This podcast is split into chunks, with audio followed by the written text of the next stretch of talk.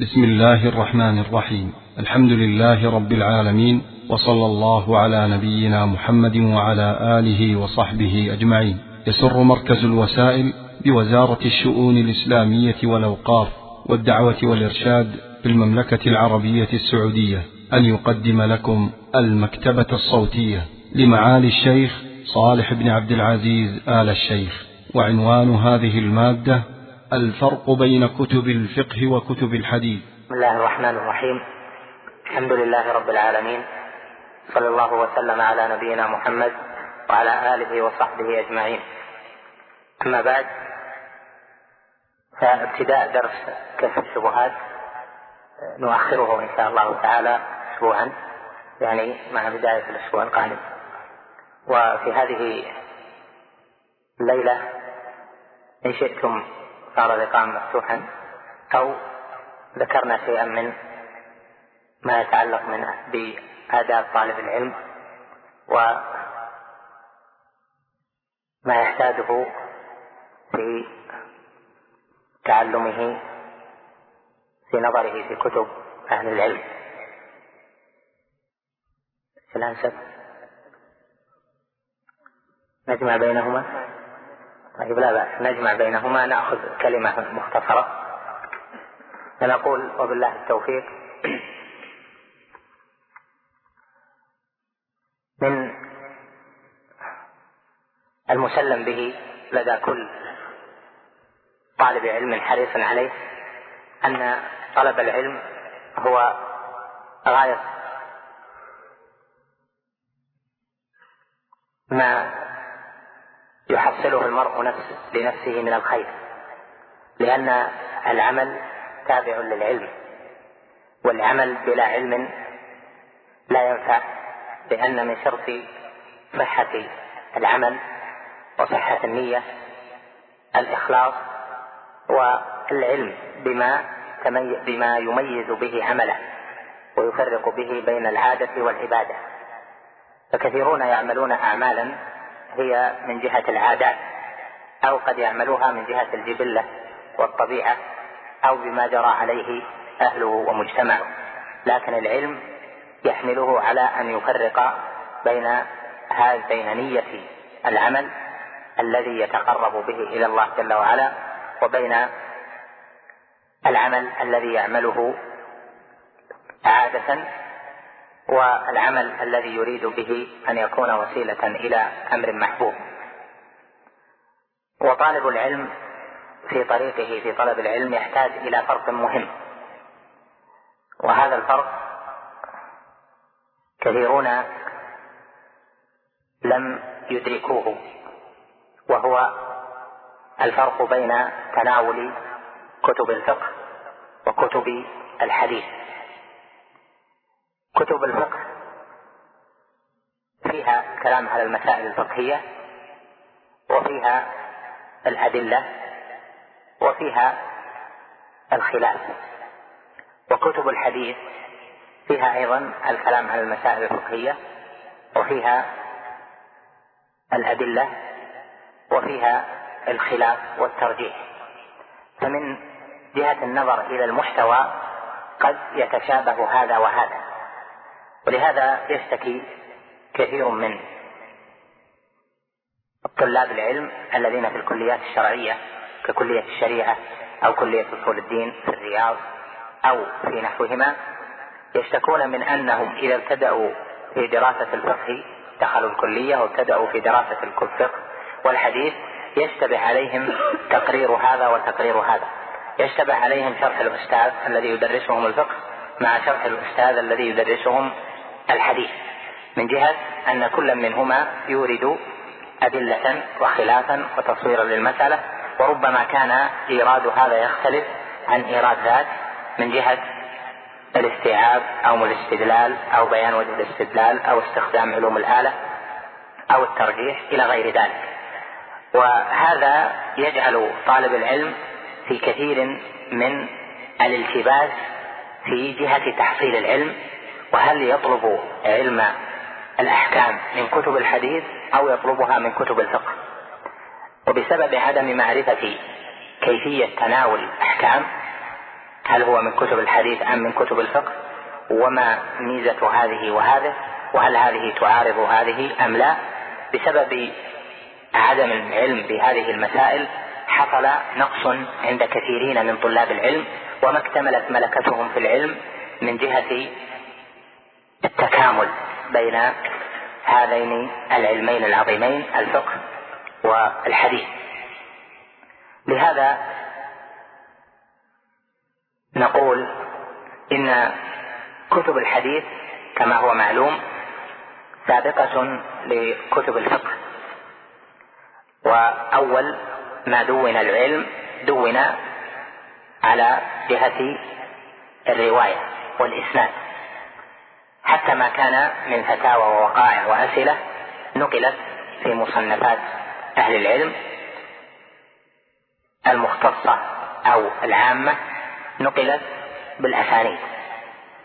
فعلم الحديث من حيث هو رواية ودراية يشتمل على إسناد وعلى متن.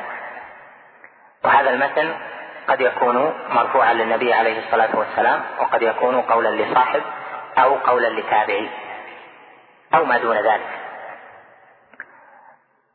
يستعمل كثير من أهل الحديث هذه الكلمة رواية ودراية.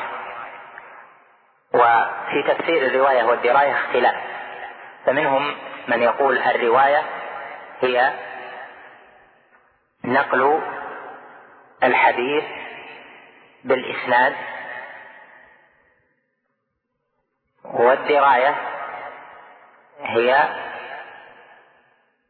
تمحيص هذا الإسناد من حيث الصحة وعدم الصحة. من حيث هل هو مستقيم أم غير مستقيم هل هو معلول أو غير معلول هل يحتج به أم لا يحتج به. وهذا قول طائفة كثيرة من أهل العلم. وآخرون يقولون الرواية راجعة إلى النقل والدراية راجعة إلى فقه الحديث. وفقه الحديث هو درايته وفقه أو الرواية هي النقل. فيدخل على هذا في النقل مصطلح الحديث. يستعمل مصطلح الحديث والنظر في الرجال ويكون الدراية هو الفقه. تكون الدراية هي الفقه. يعني النظر في المتن. هذا كان سابقا. ولهذا مصطلح الحديث سابق لأصول الفقه. وأصول الفقه أتت بعده من جهة التصنيف من جهة تقعيد الفن ومن جهة الاستعمال أصول الفقه سابقة لأصول الحديث سابقة للمصطلح. لأن أصول الفقه هي أصول الاستنباط وهي موجودة في زمن النبي عليه الصلاة والسلام. قبل أن يكون ثم أسانيد. لهذا تنظر إلى علم الفقه وعلم الحديث إلى أنه لا انفصال بينهما في الحقيقة. فالفقه هو فقه الأحكام الشرعية وهذا يكون مبنيا على أدلة ومن الأدلة السنة. ينتج من ذلك أن أدلة الفقيه أعم من أدلة المحدث بمعنى أن الكتاب الذي يعرض لمسائل الفقه تكون أدلته أوسع من أدلة الكتاب الذي يعرض لفقه الحديث لما؟ لأن من نظر في فقه الحديث يكون الدليل هو الذي يتكلم عليه من الحديث. عنده حديث في البلوغ يشرحه أو حديث في منتقى الأخبار يشرحه مثل نيل الأوطار أو حديث في البخاري يشرحه أو نحو ذلك. فيكون شرطه مبنيا على هذا الحديث واستنباطه للحكم بما في هذا الحديث من الحكم. أما الفقيه فإنه يستنبط الحكم من عدة أدلة. قد يكون الدليل نصا من الكتاب أو السنة وقد يكون إجماعا وقد يكون قياسا شموليا وقد يكون قياس علة وقد يكون قول صاحب أو قول إمام إلى آخره. نخلص من هذا إلى نتيجة مبدئية مهمة. وهي أن كتب الحديث فيها وهي أن كتب الحديث ما شاء الله حريم. نعم. يمكن أحد ميت ولا شيء؟ أقول يمكن أحد ميت شو شيء يقول لا.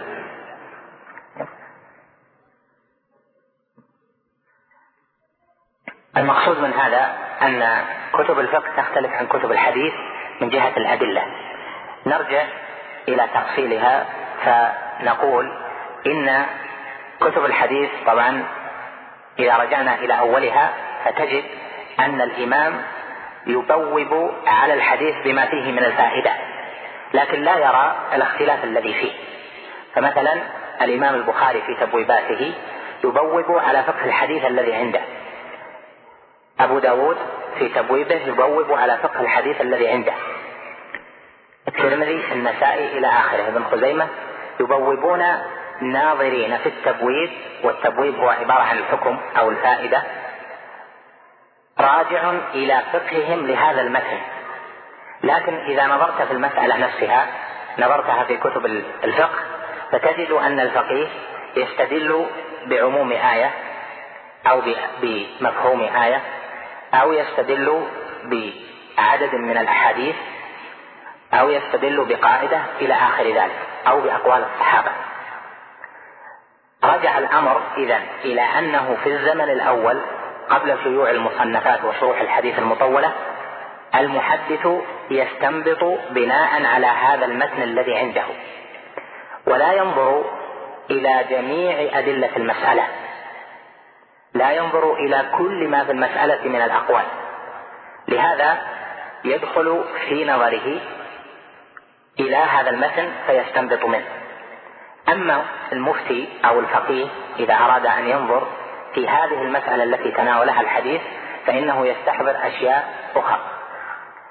لهذا صار كلام الفقهاء يختلف عن كلام طائفة من أهل الحديث. لما؟ لأنه قد يكون المحدث ينظر إلى هذا المتن باستنباط ما فيه فوائد من هذا المتن. دون النظر إلى أن هذه الفائدة هل هي الحكم في نفس الأمر أم أنه يأتي معارض فينظر إليه من جهة أخرى. وقد ذكرت لك فيما مضى أن الأقوال المتضادة أو الأقوال المتقابلة في الفقه فإنه يكون القول أرجح إذا كان المعارض له أقل. فإن القولين المختلفين في الفقه لا تظن أن أحد القولين له دليل والآخر ليس له دليل. هذا نادر. بل الأكثر وجل المسائل يكون هذا القول له أدلته وهذا القول له أدلته. ولكن أي القولين يكون أرجح؟ القول الأرجح هو الذي يكون الاعتراض على ما استدل به أصحابه أقل من الاعتراض على القول الآخر. وهذه فائدة رصينة مهمة يحتاجها الناظر في كتب الفقه وكتب الحديث جميعا. هذه الأقوال المتقابلة والاختلافات جاءت نتيجة إلى نظر العلماء في كتب في المسائل الفقهية. بعد ذلك صنفت متون الفقه ثم صنفت المطولات في الفقه. ثم ظهرت شروح كتب الحديث. شروح كتب الحديث استفادت من كتب الفقه. فأوائل كتب الفقه التي بسطت القول في المسائل الفقهية الخلافية كتب ابن المنذر ومثلها مع شيء من الاختلاف المصنفات. مصنف ابن أبي شيبة ومصنف عبد الرزاق وأشبه هذه فتجد أن هذه بسطت القول في المسألة بذكر أقوال العلماء المصنفات بدون ذكر أدلتهم. إنها رواية. مثل كتب ابن المنذر تجد أنه يذكر القول ويذكر دليله.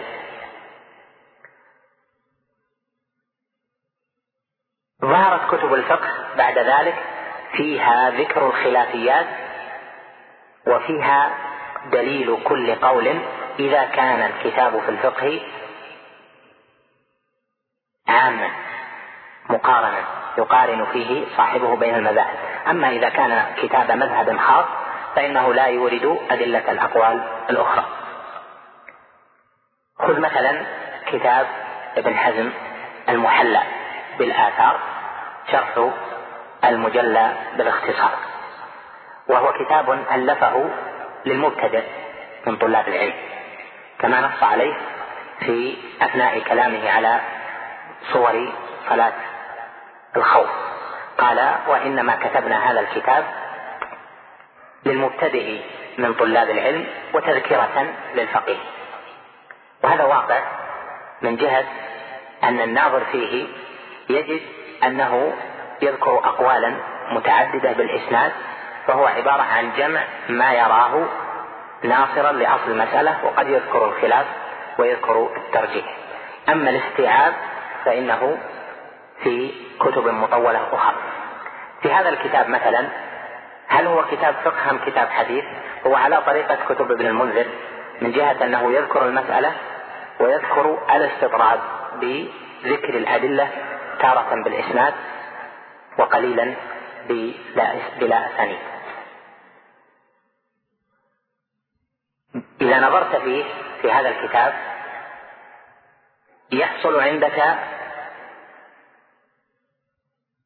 شيء من التردد في فهم المسألة لما؟ لأنه جاء تقرير المسألة مع بيان الخلاف مع الأسانيد مع الدراية مع الاستنباط مع رأي ابن حزم الأصولي مع رده على المخالفين. مثال آخر كتب ابن عبد البر تمهيد والاستذكار وغيرها. شروح للموطأ. لكنها شروح نظر فيها إلى المسألة لا إلى المتن. فهو قد يشرح المتن ثم يخرج من المتن إلى المسألة ثم يفصل الكلام في المسألة كأنها مسألة فقهية مستقلة. وهذا نوع من شروح كتب الحديث نقابله بكتاب ابن حزم. فكتب ابن عبد البر وكتاب ابن حزم متقابلان. هذا له طريقته وهذا له طريقته. إذا نظرت في هذا وهذا وجدت أن طريقة الفقهاء موجودة في كتاب ابن حزم وطريقة الفقهاء موجودة في كتاب ابن حزم وطريقة المحدثين موجودة في كتاب ابن عبد البر يعني في الجملة. بخلاف ما يظنه كثيرون أن كتاب ابن حزم كتاب حديث هو كتاب فقه. لكن فقه بناه على الأثر بتوسع. فكأنه صور المسائل الفقهية كمتن فقهي ثم استوعب ما في المصنفات وما نقل عن السلف في هذه المسائل ونظر فيها نظرا مختصرا. فهو كتاب فقه توسع فيه في الاستدلال. تطورت المسألة من جهة التاريخ فدخلنا إلى مرحلة المغني لابن قدامة وما ماثله مثل المجموع شرح المهذب للنووي. كتابان متقاربان من جهة أنهما كتابان فقهيان منهجهما واحد من جهة الفقه. هذا المغني كتاب حنبلي يعرض فيه الأدلة والخلاف. وكتاب النووي كتاب شافعي يعرض فيه لتأصيل المسألة والأدلة والخلاف. يمتاز كتاب النووي عن كتاب ابن قدامة بأن فيه استيعاب للغويات وفيه الحكم على كثير من الأدلة من جهة الإسناد. نقول هذا إسناده صحيح إسناده قوي إسناده ضعيف إلى آخره. وله ترجيحاته المخالفة للمذهب كما أن ابن قدامة له ترجيحاته المخالفة للمذهب. في مقابلتهما نذهب إلى كتب الحديث في ذلك الزمان فتح الباري مثلا يعني بعده بزمان فتح الباري وما شابهه هذا فيه عرض المسألة بحسب إيراد البخاري واستيعابه للأدلة أو للخلاف وبحسب حاجة المسألة إلى ذلك. فنخلص من هذا العرض الموجز إلى أن كتب الفقه وكتب الحديث يخدم بعضها بعضا. فمن نظر في كتب الحديث وأراد أن يستفيد يعني في شروح كتب الأحاديث فلا بد أن يكون مؤصلا في في الفقه. فإذا أصل في الفقه كان نظره في كتب الحديث جيدا. لما؟ لأن كتب الحديث ما تصور المسألة وإنما تبني على أن المسألة صورتها واضحة. وأما كتب الفقه فهي تصور المسألة ثم تذكر دليلها. هذا واحد. الثاني أن كتب الحديث ليس فيها استيعاب للأدلة على اختلافها لكن كتب الفقه تجد أنه يذكر دليل المسألة إذا كان من الكتاب أو السنة أو القياس أو القواعد إلى آخر ذلك يذكر كل ما في الباب عنده من أدلة هذه المسألة. الفرق الثالث أن كتب الحديث فيها إيراد المسألة بحسب ما بحسب مجيئها في الحديث دون تكامل للباب. يعني الباب في كتب الحديث لا يتكامل في ذهن طالب العلم. فإذا نظرت مثلا في كتاب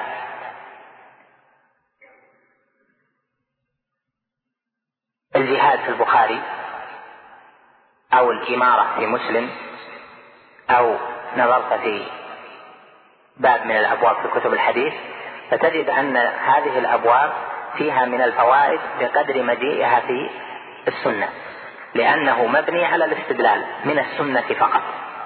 لكن كتب الفقه يكون فيه عرض الباب بذكر المسائل التي تدخل تحت هذا الباب ودليلها من القرآن أو من السنة وهو موجود في كتب الحديث أو من القياس أو من القواعد أو من قول صاحب أو استنباط أو فتوى للإمام. فتجد أن المسائل في كتب الفقه أكثر منها في كتاب الحديث.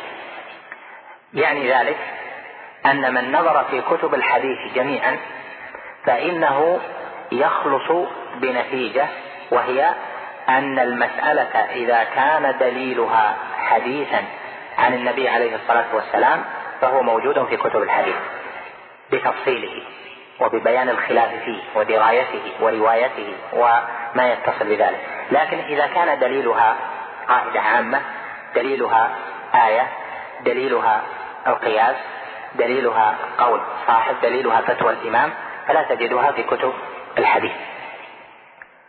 ينبني على ذلك أن الناظر في كتب الفقه يكون الباب في ذهنه أرتب وأوسع. لكن كتب الفقه فيها قصور من جهة يعني في العموم من جهة التجرد أو نقول أصح من هذه العبارة من جهة النظر في الحديث أو في المتن بدون تأثر صاحب المذهب بمذهبه في النظر. لأن يكون الدليل من السنة مثلا في البخاري لكن في الكتاب المذهب الفقهي ولو كان مطولا خلافيا فيه الخلاف العالي والنازل لكن يكون نظره في الحديث بناء على مذهبه. هذه الحيثية هذه هي نوع من القصور في كتب الفقه من جهة طالب العلم المتوسع فيكملها بالنظر في كتب الحديث.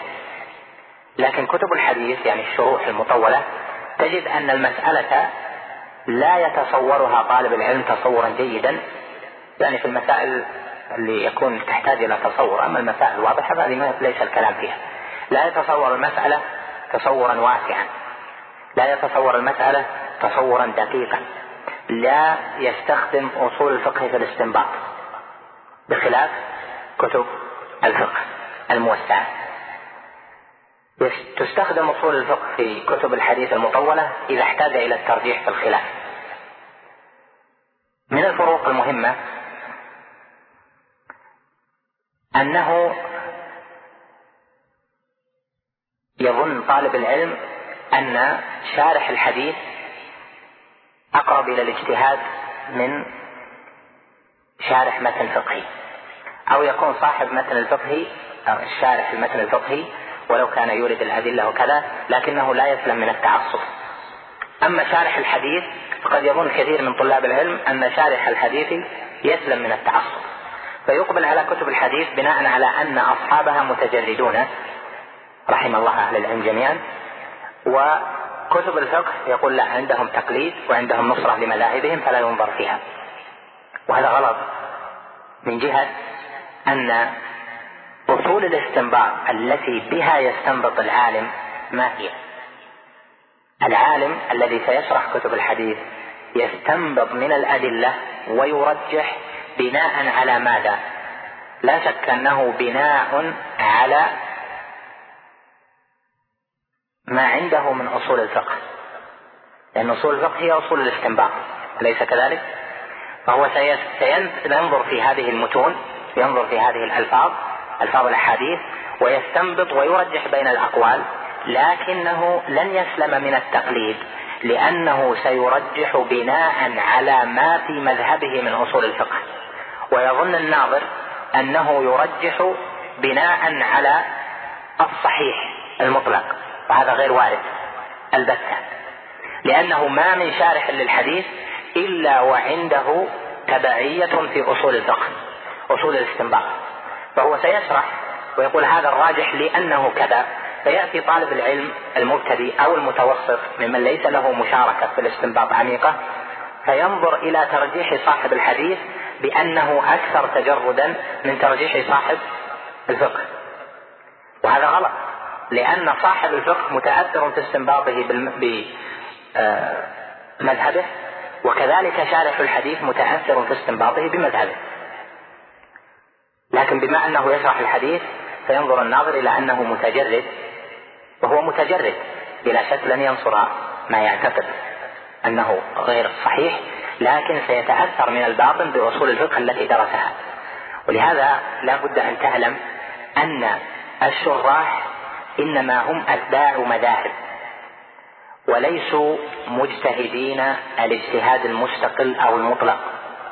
لأن الاجتهاد المطلق أو المستقل على خلاف في التسمية والتعريف راجع إلى أنه يجتهد في أصول الفقه كما أنه يجتهد في النظر في الرجال فله اجتهاداته في الفنين جميعا مثل الأئمة الأربعة وبعض من اندرست مذاهبهم كسفيان والأوزاعي وابن جرير فهؤلاء لهم اجتهادات في أصول الفقه وفي الرجال جميعا.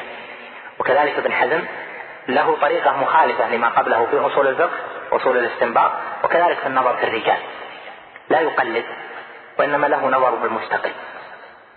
فهذا يسمى مجتهد مستقل. لكن بعدما دونت المذاهب وانتشرت لا يوجد هذا.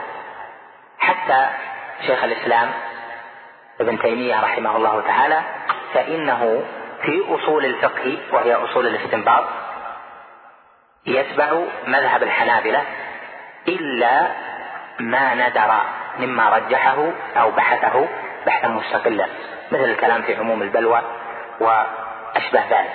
في مسائل أخذها من غير أصول الحنابلة.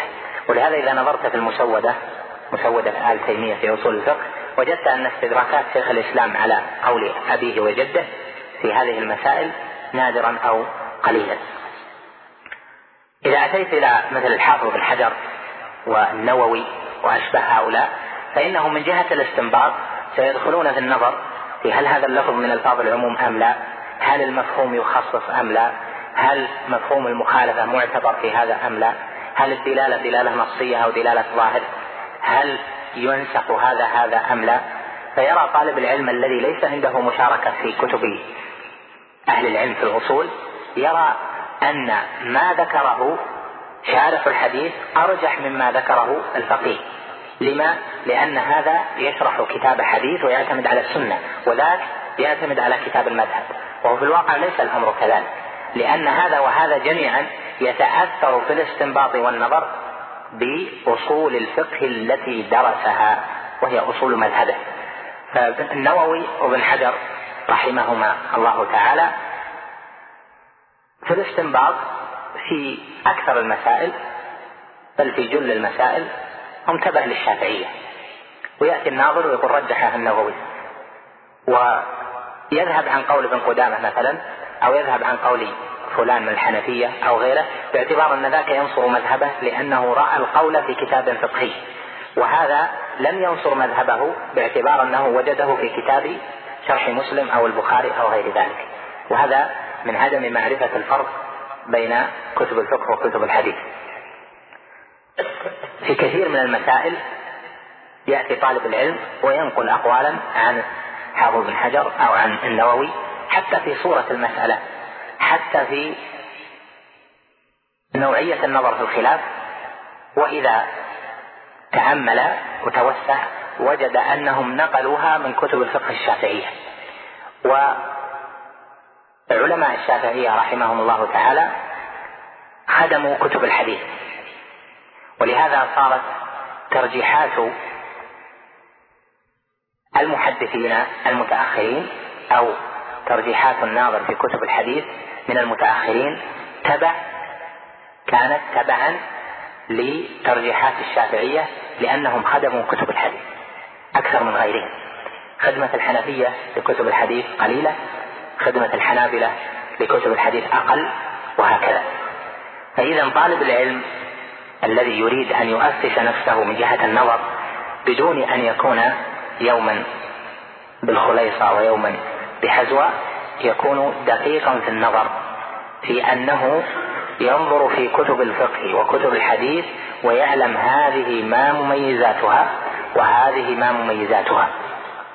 وحتى تصل إلى منهجية دقيقة في هذه المسألة فرتب نفسك في مراحل. المرحلة الأولى أنه إذا عرضت لك المسألة في كتب الحديث فاطلب تصورها من كتب الفقه لأن تصوير شروح الحديث غالبا ما يكون ناقصا. بناء على أن الناظر في هذا الكتاب وهو كتاب فيه الخلاف والترجيحات ليس من الطلاب المبتدئين. بخلاف حال كثيرين من الشباب أو طلبة العلم الصغار فإنه يقبل.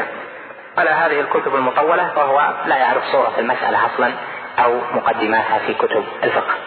فاولا تطلب صورة المسألة من كتب الفقه. ثم تنظر في كتب الفقه ما دليل المسألة؟ فإن كان دليلها من القرآن فهذه ظاهرة في أن في أنك لن تجد الكلام مفصلا عليها في كتب الحديث إلا إذا كان ثم حديث يدل عليها. فقد تحتاج إلى كتب أحكام القرآن. إذا كان دليلها من القرآن تحتاج إلى كتب أحكام القرآن. كتب أحكام القرآن كل كتاب تبع لمذهبه أحكام القرآن للقرطبي مالك. أحكام القرآن لإلكي الهراس شافعي. أحكام القرآن للجصاص حنفي. أحكام القرآن لعبد الرزاق الرسعني حنبل وهكذا. فإذا هناك تأثيرات أيضا من هذه الجهة. فلا يظن الظان أنه بوجود المسألة في كتاب أحكام القرآن فإنه خلص الناظر فيها وهو المؤلف من التقليد. ليس كذلك. بل تجد أنهم ينصرون مذاهب فيها الدليل واضح من من الكتاب لكن يدخلون في النظر فيه من جهة أصول الفقه فينصرون المذهب الخاص لقناعتهم بذلك من جهة الدليل والاستدلال. فإذا صوره المسألة اولا اخذنا أخذناها ثم يليها دليلها فإن كان من القرآن فظاهر كما ذكرنا. إذا كان من السنة فتنظر إلى قول شارح كتاب الفقه وبعده تنظر إلى قول علماء الحديث وشراح الحديث في كتبهم. فيكون النظر في كتب أهل الحديث المطولة نظر في هل إيراد هذا الكتاب اللي هو الكتاب الفقهي لهذا الدليل والاستدلال كاملا أم غير كامل؟ هل الأسانيد صحيحة أم لا؟ هل الدليل صحيح من جهة النقل أم لا؟ ثم النظر في الدلالة هل هي كما قال أم لا؟ فيكون في هذه المرحلة تخدم كتب الحديث كتب الفقه ويكون الناظر في كتب الحديث مؤصلا في المسألة الفقهية بعد معرفة دليلها. المرحلة الرابعة أن ينظر في الدليل إذا كان من جهة القواعد. القواعد كما ذكرنا قسمان قواعد متفق عليها وقواعد مختلف فيها. القواعد المتفق عليها هذه تمشي مع جميع المذاهب. أما المختلف فيها فكل مذهب له قاعدة. ودليل هذه القاعدة في المذهب تارة يكون مبنيا على فهمهم لدليل من الكتاب أو السنة وتارة يكون مبنيا على فروع منقولة عن إمام المذهب. فإذا كان الدليل من التقعيد عاما يعني من القواعد الكلية فإن هذا القول به ظاهر وواضح. أما إذا كان الدليل آه، هذه القاعدة دليلها خاصا بمذهب أو فروع منقولة في مذهب فإنه لا تخلو المسألة أيضا من جهة النظر إلى تنازع في الفهم والدلالة وفي دليل هذه القاعدة. تجد قواعد يستدل بها الشافعية لا يوافقها لا يوافقهم عليها الحنابلة قواعد عند عند الحنفية ليست مستقيمة عند المالكية والحنابلة والشافعية. قواعد يذكرها شيخ الإسلام ابن تيمية خرج بها عن بقية المذاهب. تقعيدات واضحة من دلالة النصوص. العز بن عبد السلام أتى بقواعد في كتابه القواعد الكبرى قواعد الأحكام في مصالح الأنام. في كثير من التقعيدات كثير ليس الأكثر خرج بها عما هو صواب في نفسه. وهكذا. فإذا إذا كان الدليل بالقاعدة لا يعني أنه صحيح. مطلقا. بعض أهل العلم إذا بعض طلبة العلم أو الشباب إذا قيل له القاعدة كذا يظن أنها خلاص انتهت مسلمة. بمعنى أنها كالنص لا. ينظر في القاعدة إذا كانت كلية فهذا هذا صحيح. أما إذا كانت قاعدة خاصة بمذهب من المذاهب فيعرض لها النزاع كما يعرض لأي مسألة فقهية. بعد ذلك تنظر في قول الصحابي. هل استدلوا بأقوال الصحابة أم لا؟ هل هذا الصاحب له مخالف أم لا؟ إلى آخره. تنظر فيما يأتي به من الأدلة.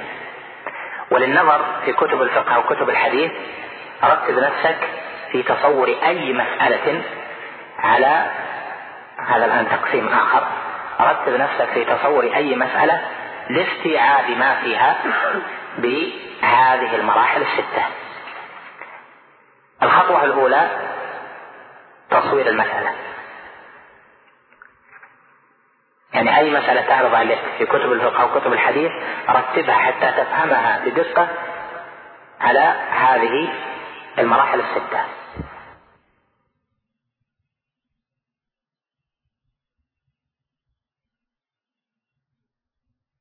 أم هذه المسألة ما صورتها في الواقع؟ ما صورتها التي تخرجها عن ما يضاد عن غيرها ما صورة هذه المسألة التي تتميز بها عن مثيلاتها. أولا صورة المسألة الثاني حكم المسألة بحسب ما عرف في كتاب فقه أو كتاب حديث إلى آخره. ما حكمها؟ فمثلا في المثل الفقهي يقول كذا جائز أو ويشترط كذا. فما هي صورة هذا الشرط؟ والشرط حكم فتفهم الصورة ثم تفهم الحكم. الثالث دليل هذا الحكم بحسب إيراد المؤلف. دليله ما هو, دليله؟ ثم ينظر في هذا الدليل بحسب الخطوات التي ذكرتها لك من قبل. دليل المؤلف دليل الحكم الذي أورده المؤلف.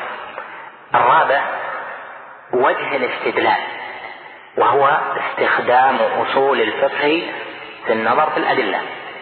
وجه الاستدلال ما هو؟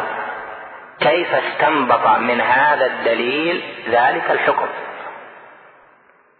الخامس الخلاف في المسألة. ما هو الخلاف في المسألة؟ الأقوال الأخرى. وذات القول الآخر تعمله بنفس الطريقة. ما دليل القول الآخر؟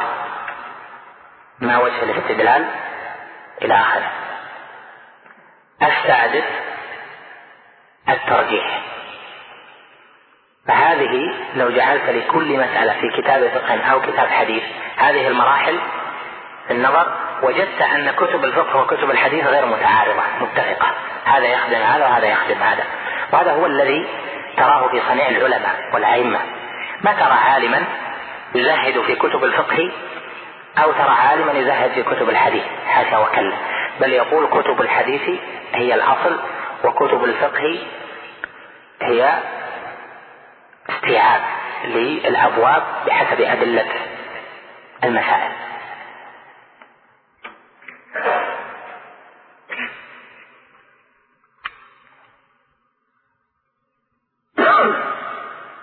هذا يحتاج إلى مزيد بسط وتفصيل في بعضه لكن الخلاصة من هذه الكلمة الموجزة أن أن طالب العلم ينظر إلى كتب الفقه وكتب الحديث على أنها شيء واحد غير منفصل. هذا وهذا شيء واحد. وإذا نظر الناظر وقال لا ليس الأمر كذلك. كتب الحديث هي الأصل استنباط من السنة. وأما كتب الفقه فهي آراء الرجال. فنقول هذا الكلام غير دقيق. لمن مارس النظر في هذه وهذه؟ ولمن استقبل فتاوى استفتاءات الناس ومشاكل الناس. لكن طالب العلم من حيث نظر لنفسه صح هو يحتاج إلى نوع معين فيستوعب ما فيه. لكن من حيث فهم الباب فهم من حيث فهم الباب فهم فهما كليا فإنه لا بد له أن ينظر في هذا وهذا. لا يستغني عن هذا وعن هذا ولا عن هذا. جرب في هذه وخذ مسألة وانظر لها في كتاب فقه فتجد أنها مذكورة هي ودليلها وقد يكون ثم خلاف بس بحسب الحكم لكن تجد أنها في كتاب في كتاب الحديث إذا كان مطولا يعني في شرح كتاب من كتب الحديث قد يورد لك خلاف وأقوال فيها. إذا نظرت في كتاب فقهي أطول منه ستجد أنه يورد هذا.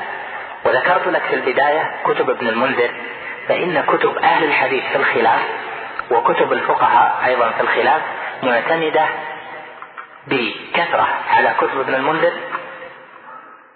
ومنها الموجود ومنها غير الموجود وكتب ابن المنذر من اشهرها الأوسط والبسيط الأوسط موجود اكثره والبسيط موجود قطع يسيرة منه أو نحو ذلك وكتب ابن عبد البر.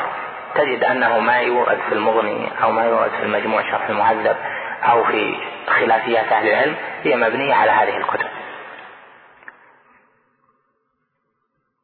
فإذا الناظر من طلاب العلم ينبغي له أن يكون جامعا في النظر بين هذا وهذا. لا يكون زاهدا في كتب الفقه فيحرم النظر وفهم الفقيه وذهن الفقيه وشمولية الفقيه في الباب. ولا يكون زاهدا في كتب الحديث لأجل أنها أدلة والأدلة موجودة في كتب الفقه. فيفوته كثير من البحث في المسائل والخلاف ومعرفة آراء أهل العلم في المسألة حتى يكون ترجيحه ونظره على مع على أساس وهو الاطلاع على أقوال الناس في المسألة. نكتفي بهذا القدر في هذه المقدمة وهي لها الحقيقة ذيول وشروح وبسط ونستقبل بعض الأسئلة.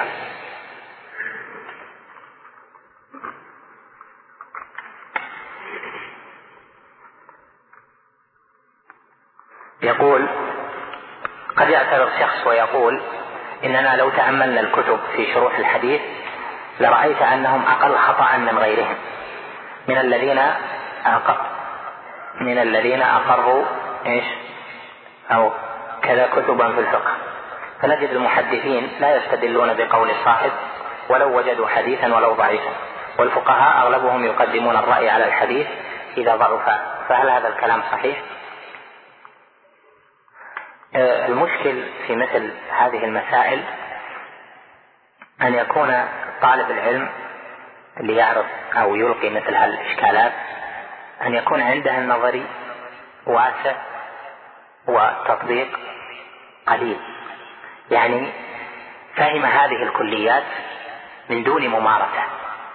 لكنه لو مارس لو مارس ممارسة واسعة لوجد أن هذا الكلام غير صحيح.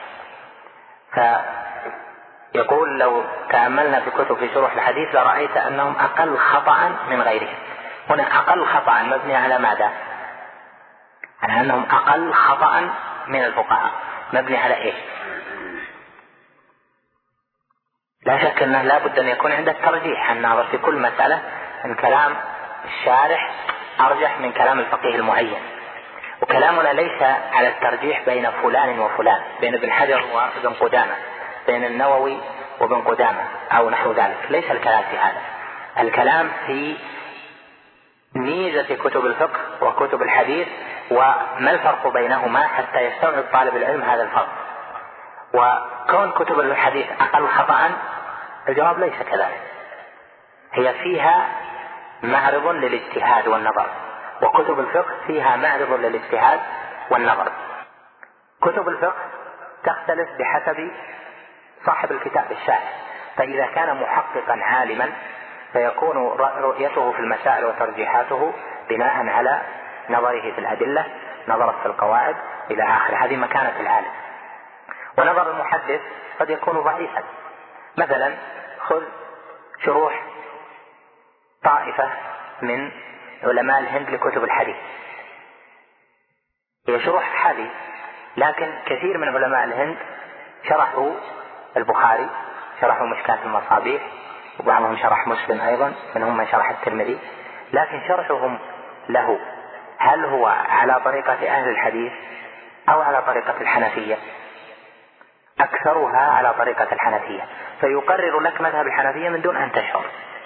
فيأتي الناظر ويقول هذا كله سنة وأدلة إلى آخره. لكن أدلة الآخرين قد يورد منها دليلا دليلين ويكون هذا الذي أورده ليس هو الحجة في الباب. إذا نظرت إلى بعض كتب الحديث المتقدمة مما فيه نصرة لمذهب معين. مثل مثلا كتاب البيهقي السنن الكبرى والسنن الوسطى والسنن الصغرى له هي كلها مطبوعة. تجد أنه أراد الاستدلال لأقوال الشافعي. أتى التركماني في تعقباته وعارض ما استدل به البيهقي في المسائل. الحنابلة في بعض المسائل لهم رأي آخر. فإذا اعتماد العالم على الأثر والحديث يكون تكون الحجة معه ويكون أقل خطأ ممن يكون اعتماده على النظر والرأي. هذه كلية صحيحة. ولهذا يقول شيخ الإسلام ابن تيمية في موضع له أظن في أول الاستقامة يقول إن أهل الحديث أو الذين يعتمدون على الأثر من أهل العلم هم أقدر الناس على الفتوى بما يناسب الزمان الذي يعيشون فيه. لأن الفتوى تتغير تغير الزمان. فيكون عنده انطلاق وسعة في الفتوى. بخلاف أهل الرأي والفقه الجامد فإنهم يكونون عند النظر في المسائل النازلة والحادثة أكثر انحباسا وأقل انطلاقا فيها. لما؟ لأن هذا ينظر في النصوص ويستنبط منها وذاك ينظر في نصوص إمام ويريد أن يطبقها ونص الشارع يستوعب الأزمنة والأمكنة. وأما نص الإمام المعين على جلالته فإنه كان بناء على البلد التي كان فيها. ولهذا صاحب الأثر نقول نعم أقل خطأ من صاحب الرأي وصاحب الفقه المجرد من الدليل. هذا لا شك. وهذاك يكثر أخطاؤه وهذا أقل. لكن بالنسبة لكتاب حديث وكتاب فقه لا. يكون بحسب المؤلف. المؤلف من هو؟ انظر مثلا للفرق بين سبل السلام ونيل الأوطار تجد أن الفرق واضح بين هذا وهذا. الشوكاني مثلا في مصطلح الحديث وفي النظر في الإسناد تبع للحافظ بن حجر في التلخيص الحديث ونحوه. ما له اجتهاد في الإسناد ولا يعرف الرجال ولا طبقاتهم ولا كذا وإن كان نظر فيه فهو مقلد بحت. إذا أتى في الأصول فله اجتهادات في الأصول ربما خالف بها أئمة المذاهب ربما له اجتهادات كما في إرشاد الفحول يرى أشياء مخالفة للجميع. طيب يرى الناظر الآن في كتاب مثلا في نيل الأوطار فإذا صحح ورجح يقول هذا مجتهد. يعني لا يقلد ولا يتعصب إلى آخره لكن ملكته الاجتهادية ليست كاملة لأنه في الأسانيد مقلد. وقليل ما يكون عنده معرفة بالتخريج والإسناد استقلالا وإنما هو ناقل عن غيره. لكن من جهة الأصول نعم. من جهة الاطلاع يخفى عليه بعض الأقوال وبعض الأدلة فهو يرجح بناء على ما أورد لكن يكون في المسألة أدلة أخرى قواعد لصاحب هذا القول لا يريدها. وفي الغالب هو لخص الفتح وزاد عليه. لكن في سبل السلام تجد أن صاحبه ينظر نظرا آخر لأنه لخص هو كتاب البدر التمام وزاد عليه أشياء فالنظر مختلف. نظر شرح الحديث في سبل السلام مختلف من حيث الوجهة والمنهج عن نيل الأوطار وهما كتاب حديث. هذا شرح البلوغ وهذا شرح الملتقى. إذا فهذا القول ناتج من عدم الاستيعاب عدم معاناة كتب الفقه وكتب الحديث. فلو آن واستوعب لوجد أن المسألة ليست على ذلك. أما قوله أن الفقهاء أغلبهم يقدمون الرأي على الحديث إذا كان فيه ضعف هذا غير صحيح.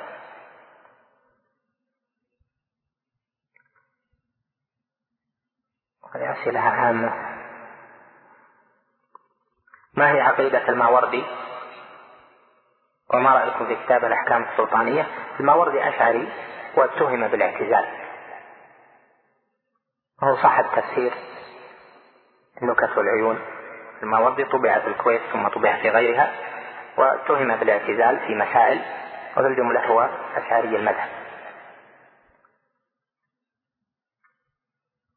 وكتابه الأحكام السلطانية من جهة الإمامة والأمر بالمعروف والنهي عن المنكر غير دقيق غير موافق لتفاصيل مذاهب السلف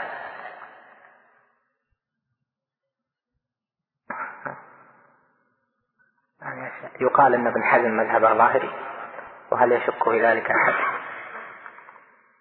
ابن حزم ظاهري في الفقه وفي غيره.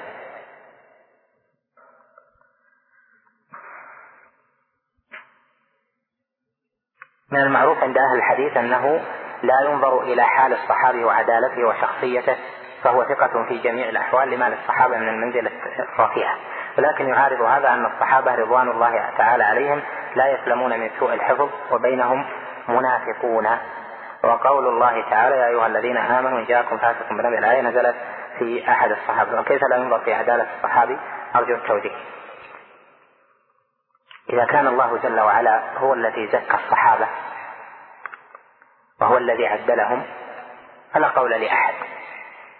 وبحث عدالة الصحابة بحث مطول معروف والذي أورد هذه الشبهة من الزمن الأول المعتزلة. وهي شبهة موجودة عند الزيدية في هذا الزمن وما قبله.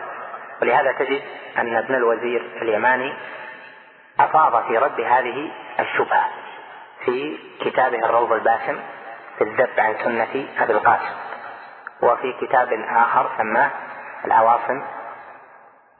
إيش؟ والقواصم. نعم. هم من القواصم. العواصم والقواصم.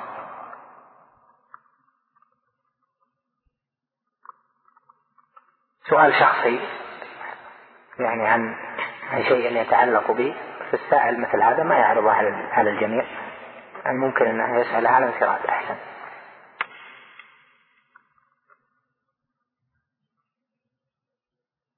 هذه هي المرة الأولى التي أحضر فيها هذا الدرس وهو أول درس أحضره سؤالي هل بدايتي في طلب العلم بهذا الدرس صحيحة؟ أم علي أن أحضر درسا قبل هذا الدرس؟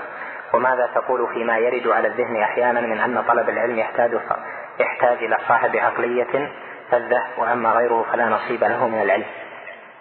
الكاتب ما شاء الله خطه جميل. أولا خط جميل وسياقه لما أورد سياقا صحيح سياق جيد وصحيح. يعني من حيث العربية تركيب جيد. وهذا يدل على أنه مؤهل لطلب العلم. والاستدلال بالخط على العقلية له أصل. الحافظ الذهبي كان قارئا مقرن من القراء. قرأ بالعشرة في آخره وله كتاب طبقات القراء تعرفونه. كان من أسباب توجهه للحديث أن أحد مشايخه قال له حينما رأى خطه خطه مستغلب غير جيد. قال له خطك يشبه خط المحدثين. قال فوقع حب الحديث في قلبي. ونقول للأخ خطك يشبه خط العلماء. توجه إلى الخير إن شاء الله.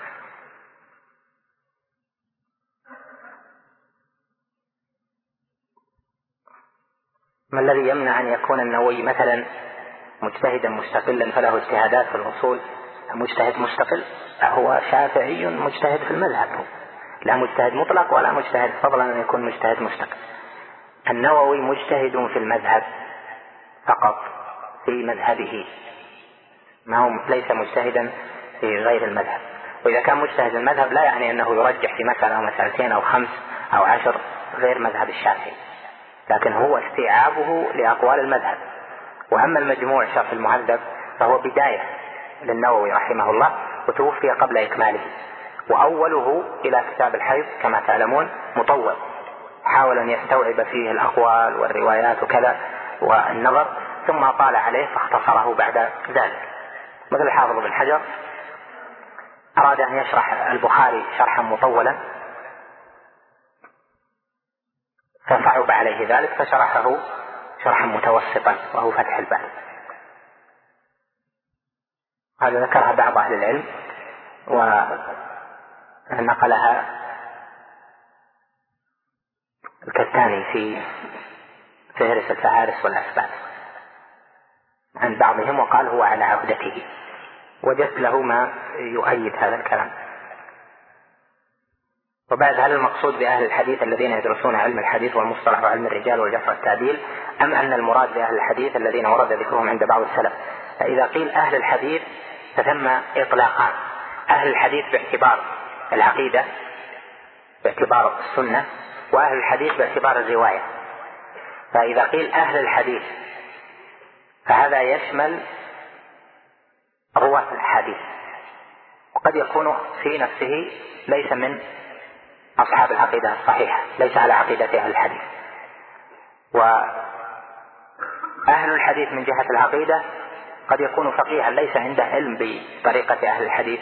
في الرواية والإسناد وطبقات الرواة ومصطلح الحديث والجرح والتعديل لكن يكون على عقيدة أهل الحديث فهو من أهل الحديث.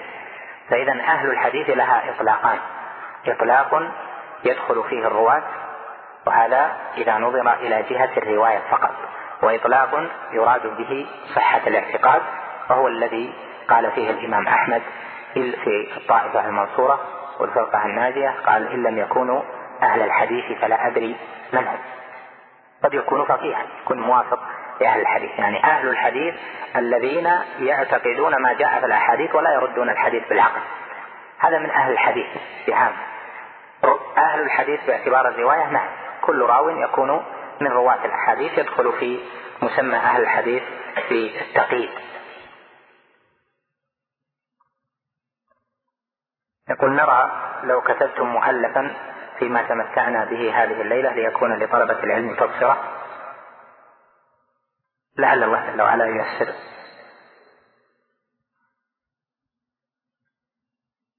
هل هناك مراجع تكلمت عن هذا الموضوع بإسهاب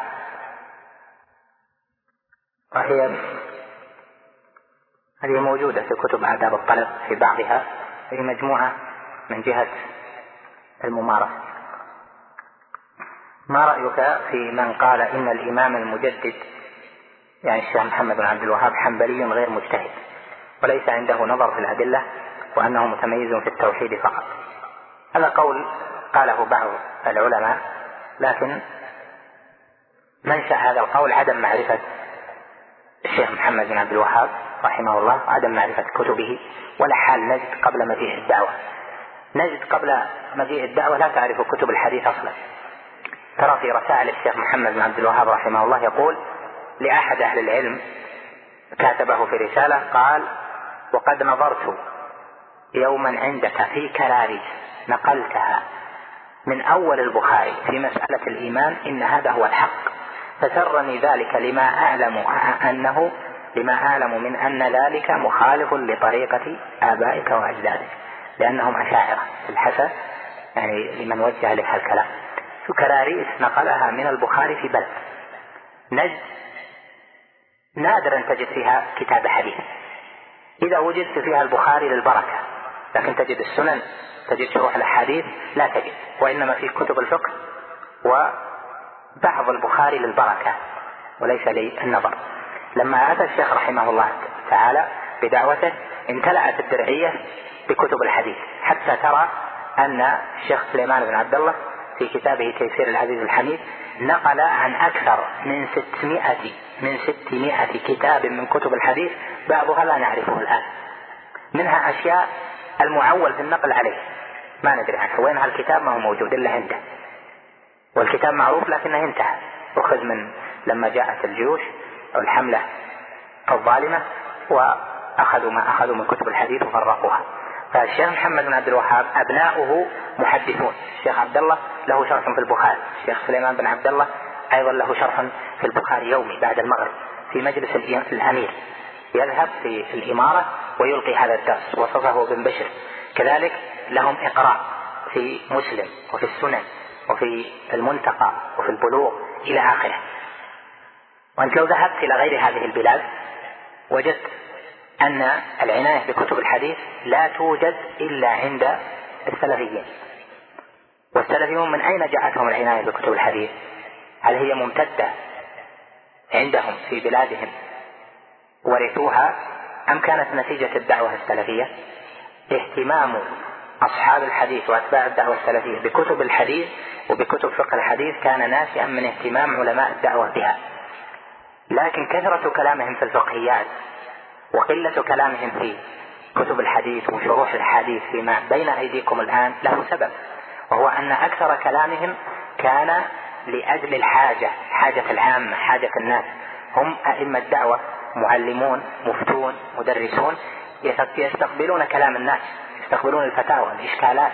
أمامهم دولة وإرساليات وقاضي عليه مشكل ومفتي في بلد استفتى فأرسل. فكان كلامهم راجعا إلى قول فصل في المسألة بما هو راجح عندهم لأجل الحاجة العملية لذلك. ولو درست دعوة الشيخ محمد بن عبد الوهاب دراسة جيدة لوجد أن سبب توجه الناس في كثير أو الأكثر من بلاد المسلمين اليوم من جهة السلفيين كان ناتجا من اهتمام الدعوة بكتب الحديث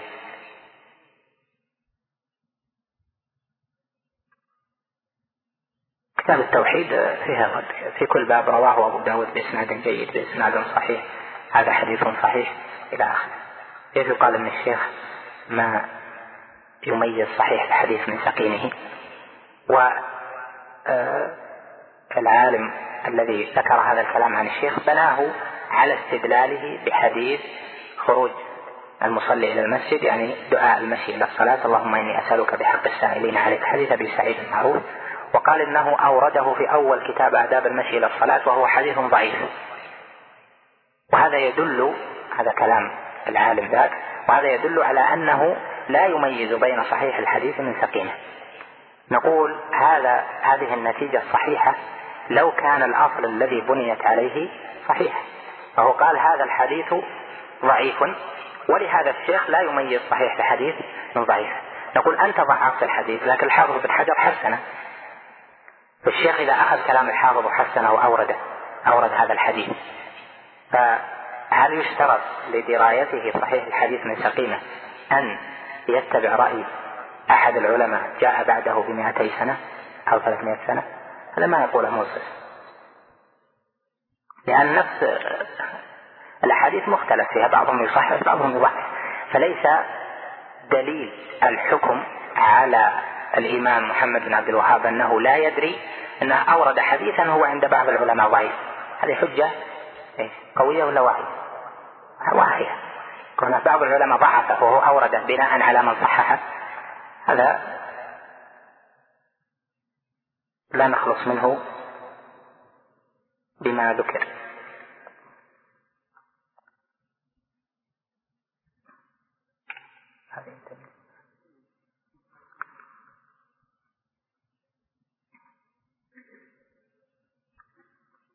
لو تذكر لنا في كل فن من الفقه والأصول والمصطلح والعقيدة كتابا يكون لطالب العلم دائما النظر فيه.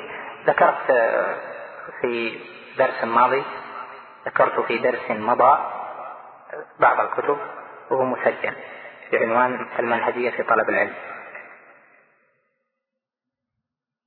يقول قرأت مختصر تفسير ابن كثير للرفاعي فماذا أقرأ بعد ذلك في التفسير؟ تقرأ كتاب ابن كثير الأصل. مرة ثانية وثالثة في بركة. إذا أردت تتوسع ترجع لابن جرير في بعض الآيات المشكلة لكتاب أحكام القرآن القرطبي وما شابه ذلك. ما معنى أشعري المذهب؟ يعني أنه يتبع في العقيدة أبا الحسن الأشعري.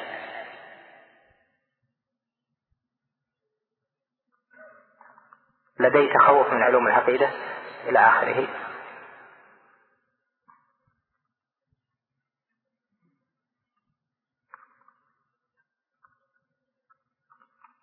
واحد يسأل يقول أحد الإخوان نصحه بأن لا يحضر دروس الشيخ العلامة عبد العزيز بن باز حفظه الله ويعلل ذلك بأن الشيخ حفظه الله لا يصلح لمن ابتدع لطلب العلم لأن الشيخ يعلق تعليقات بسيطة لا تصلح إلا لمن تبحر في طلب العلم.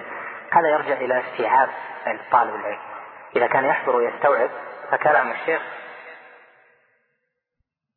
درر إذا كان يستوعب ويفهم لا شك كلام الشيخ هو ما ينبغي العناية به من كلام أهل العلم في هذا الزمن.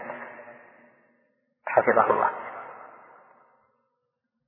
أيهما صح عبارة التوحيد هو أهم الواجبات أو التوحيد أول الواجبات؟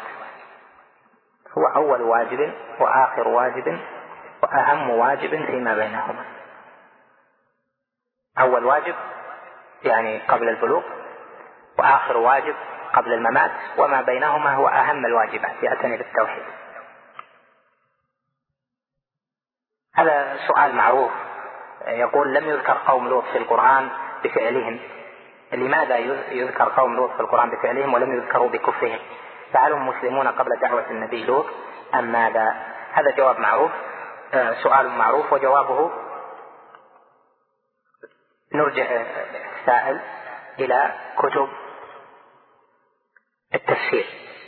لأني ما أريد أن يأخذ كلامي عن هذه شبهة أوردها طائفة من المعاصرين لأن نبيا وهو لوط عليه السلام إنما ذكر عنه النهي عن الفاحشة فقط وأصاب القوم ما أصابوا إلى آخره. فهذا وأولئك لم يكونوا كفارا. وإذا رجع السائل إلى كتب التفسير في أول موطن ذكرت فيه قصة لوط وجد كلامهم فيه. هل هناك فرق بين الرجل والقدم؟ الرجل من حيث اللغة يشمل ما بين أطراف الأصابع إلى اتصال الفخذ بالحوض هذه كلها رجل وهي تشمل الفخذ والركبة والساق والقدم. فإذا قيل الرجل فتشمل هذا جميعا القدم خصوص القدم. ففي الحديث يضع الجبار فيها قدمه وفي رواية الرجلة في رواية رجله المقصود منها القدم تفسيرها بالرواية الأخرى. لأنه يطلق الكل ويراد به الجزء. مثل قول الله جل وعلا في السارق والسارقة فاقطعوا أيديهما جزاء بما كسبا. أيديهما ليس إلى العضد وإنما إلى آخر العضد وإنما الكف فقط.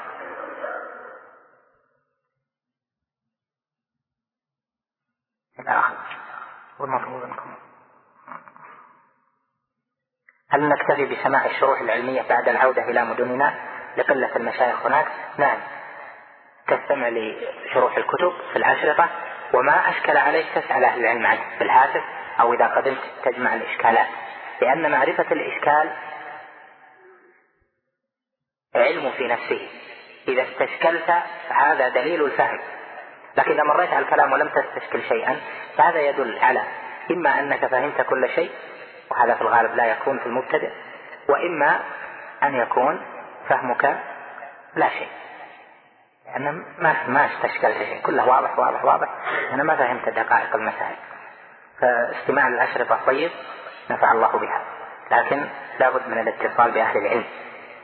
لأن هناك لأن هناك الهدي والسمت والدل ورؤية العالم للأمور. كيف يتعامل مع العلم والفقه. كيف يتعامل مع من حوله هذه ما يحصلها طالب العلم إلا بالمخالطة.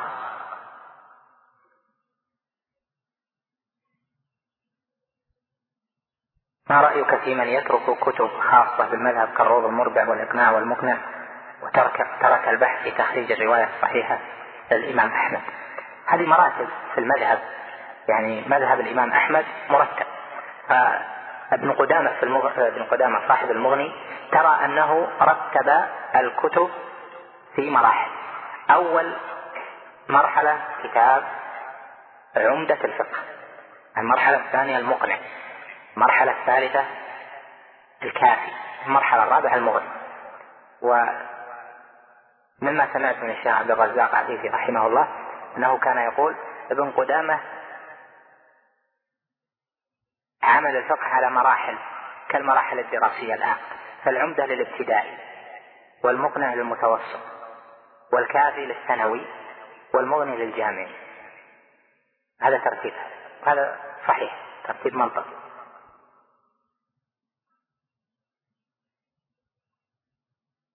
عن شرح كشف الشبهات نسأل الله جل وعلا أن يختار لنا الأصلح.